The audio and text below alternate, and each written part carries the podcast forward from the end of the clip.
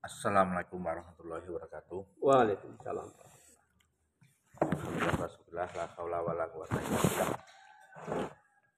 Pak, Selamat pagi Pak Taryanto. Selamat pagi Pak Joko. Ya, selamat pagi juga kepada jamaah masjid eh, Anur Giriadi. Alhamdulillah pada pagi hari ini kita memasuki tahun baru 2023. Eh, bagi Pak Taryanto, apa makna tahun 2022 yang lalu dan apa perspektif Pak Taryanto untuk depannya? 2022 bagi saya menjadi tahun yang penting. Pertama karena pada tahun 2022 eh, dari pekerjaan yang saya tekuni tahun sejak tahun 98 Enggak. itu saya pensiun di 1 November 2000 Hmm. 2022. Hmm, ya, ya. Jadi tapi kemudian se- setelah pensiun diberi karunia Allah untuk mendapat kontrak pekerjaan baru Karena di Jakarta. Jakarta. Hmm. Kantornya di Jakarta tapi saya hanya bekerja secara freelance gitu. Yang kira-kira eh, kalau satu tahun mungkin bisa sekitar 90 hari saja.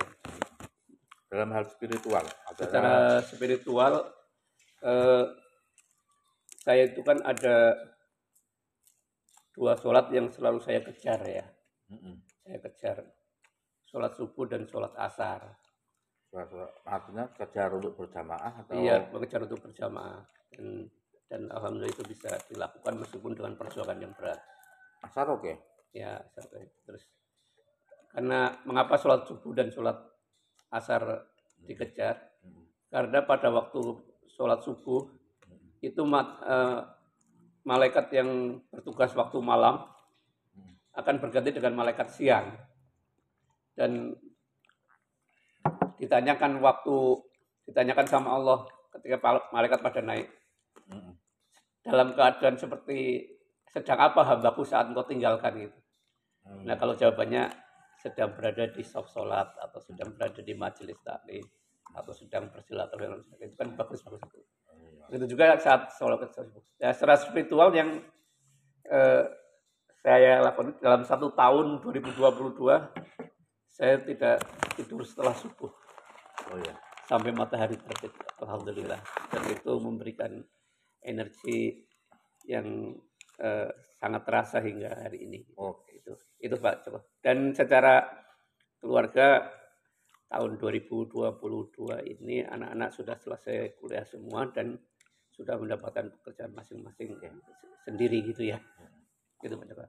Oke, kalau lebih eh, ada mungkin momen yang spesial ya, spesial sekali dan menjadi momen penting untuk 2022 ini. Yang spesial sekali saya bisa pilih anak lanang Oh ya, di balik papan dengan biaya gratis. kok bisa begitu? Karena ada yang membiayai. Jadi karena kebetulan perjalanannya ke sana, kebetulan anak lanang di balik papan sehingga kemudian Oh, dalam dua bulan saya bisa ketemu dua kali. Sementara untuk ibunya kangen pengen ketemu anaknya kan sangat susah. Itu dan momen yang sangat penting di tahun 2022 saya naik pesawat 48 kali Pak Coba. oh, 48 terbangan.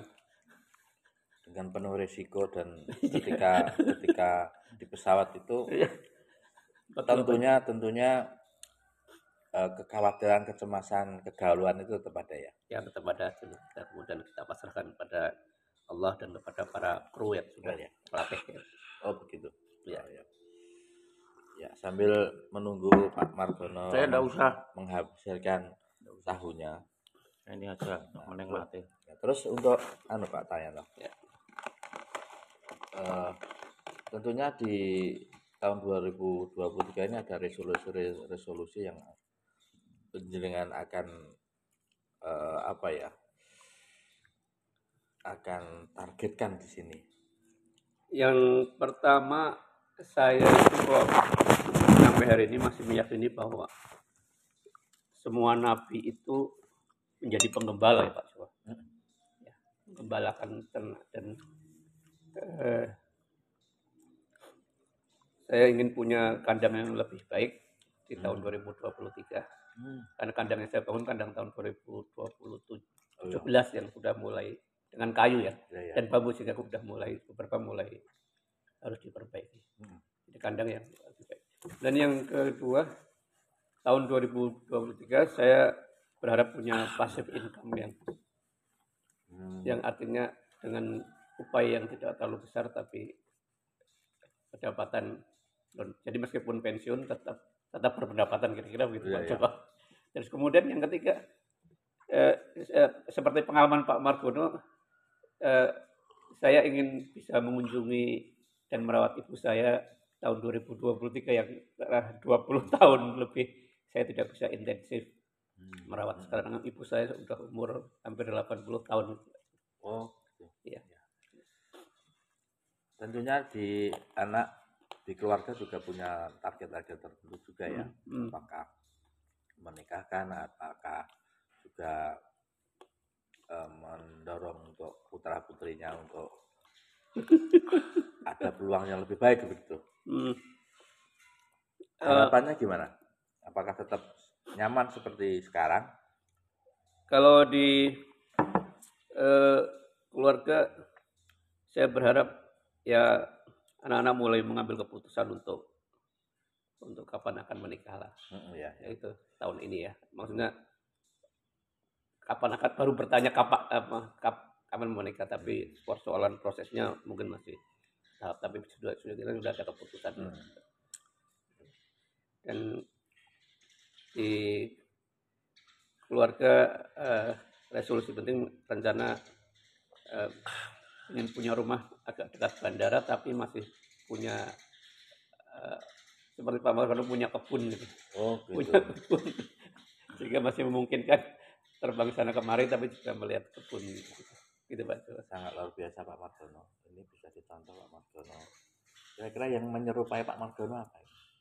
Yang dari Pak Saranya bisa diambil apa itu ibrohnya itu. Saya nggak tahu. Masa anu Nggak usah.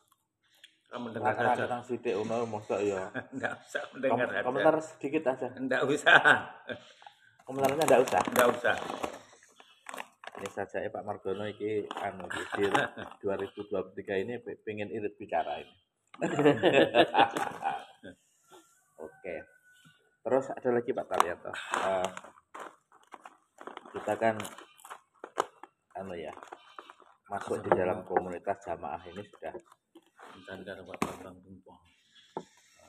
Jam lima. oh ya jam 5 Oh, iso wae. oh ya di jamaah khususnya. Itu sedikit aja harapannya. Untuk jamaah yang sudah terbina secara baik di tahun 2022 eh, saya kira itu perlu dipertahankan dan perlu dikembangkan. Eh, tapi dalam hal berjamaah sholat, lah berjamaah sholat, berjamaah sholat mungkin masih satu hal yang perlu dibenahi. Yang pertama adalah eh, tidak membuka soft baru selagi soft yang lebih depan masih ada yang kosong. Ya. itu Ya. Go, Iya. itu nanti sana. Jadi itu Pak Joko. oh iya Jadi tidak membuka soft baru selagi soft yang di depan belum penuh. oh begitu Ya, karena mengapa itu penting? Jadi rahmat dan keberkahan orang sholat itu pada kerapian dan kerapatan soft sampai tertutup gitu ya. Nah, ketika kemudian dibuka soft baru, tapi soft yang lama belum tertutup, itu artinya ada keterputusan berkah dan rah- Hmm. Dan eh, rahmat dan berkah bagi jamaah yang eh, membuka soft baru tapi yang itu, itu, itu jadi itu oh ya. itu itu kecil tapi ya itu yang penting yang tidak tidak banyak di apa ya diperhatikan oleh Ya. para jamaah kita. Nah, Jadi, itu yang pertanyaan kedua, saya kira beberapa kajian yang sudah mulai dikembangkan baik setelah maghrib pada malam Jumat maupun pada minggu keluar dan juga event ibu-ibu dan anak-anak.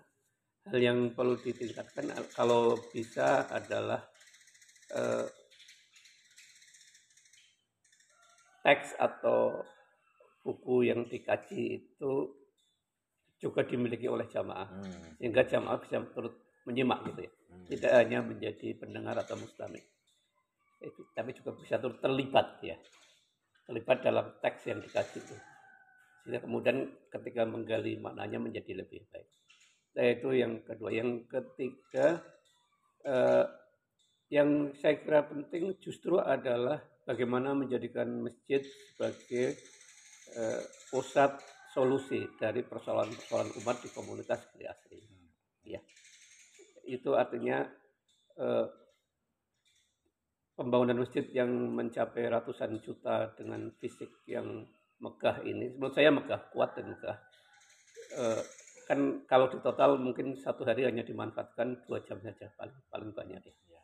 Itu artinya masih banyak waktu yang manggur sehingga butuh konsep untuk kira-kira Hmm. pendaya gunaan dan pemanfaatan ke depan itu aja. Saya kira itu aja. Oke.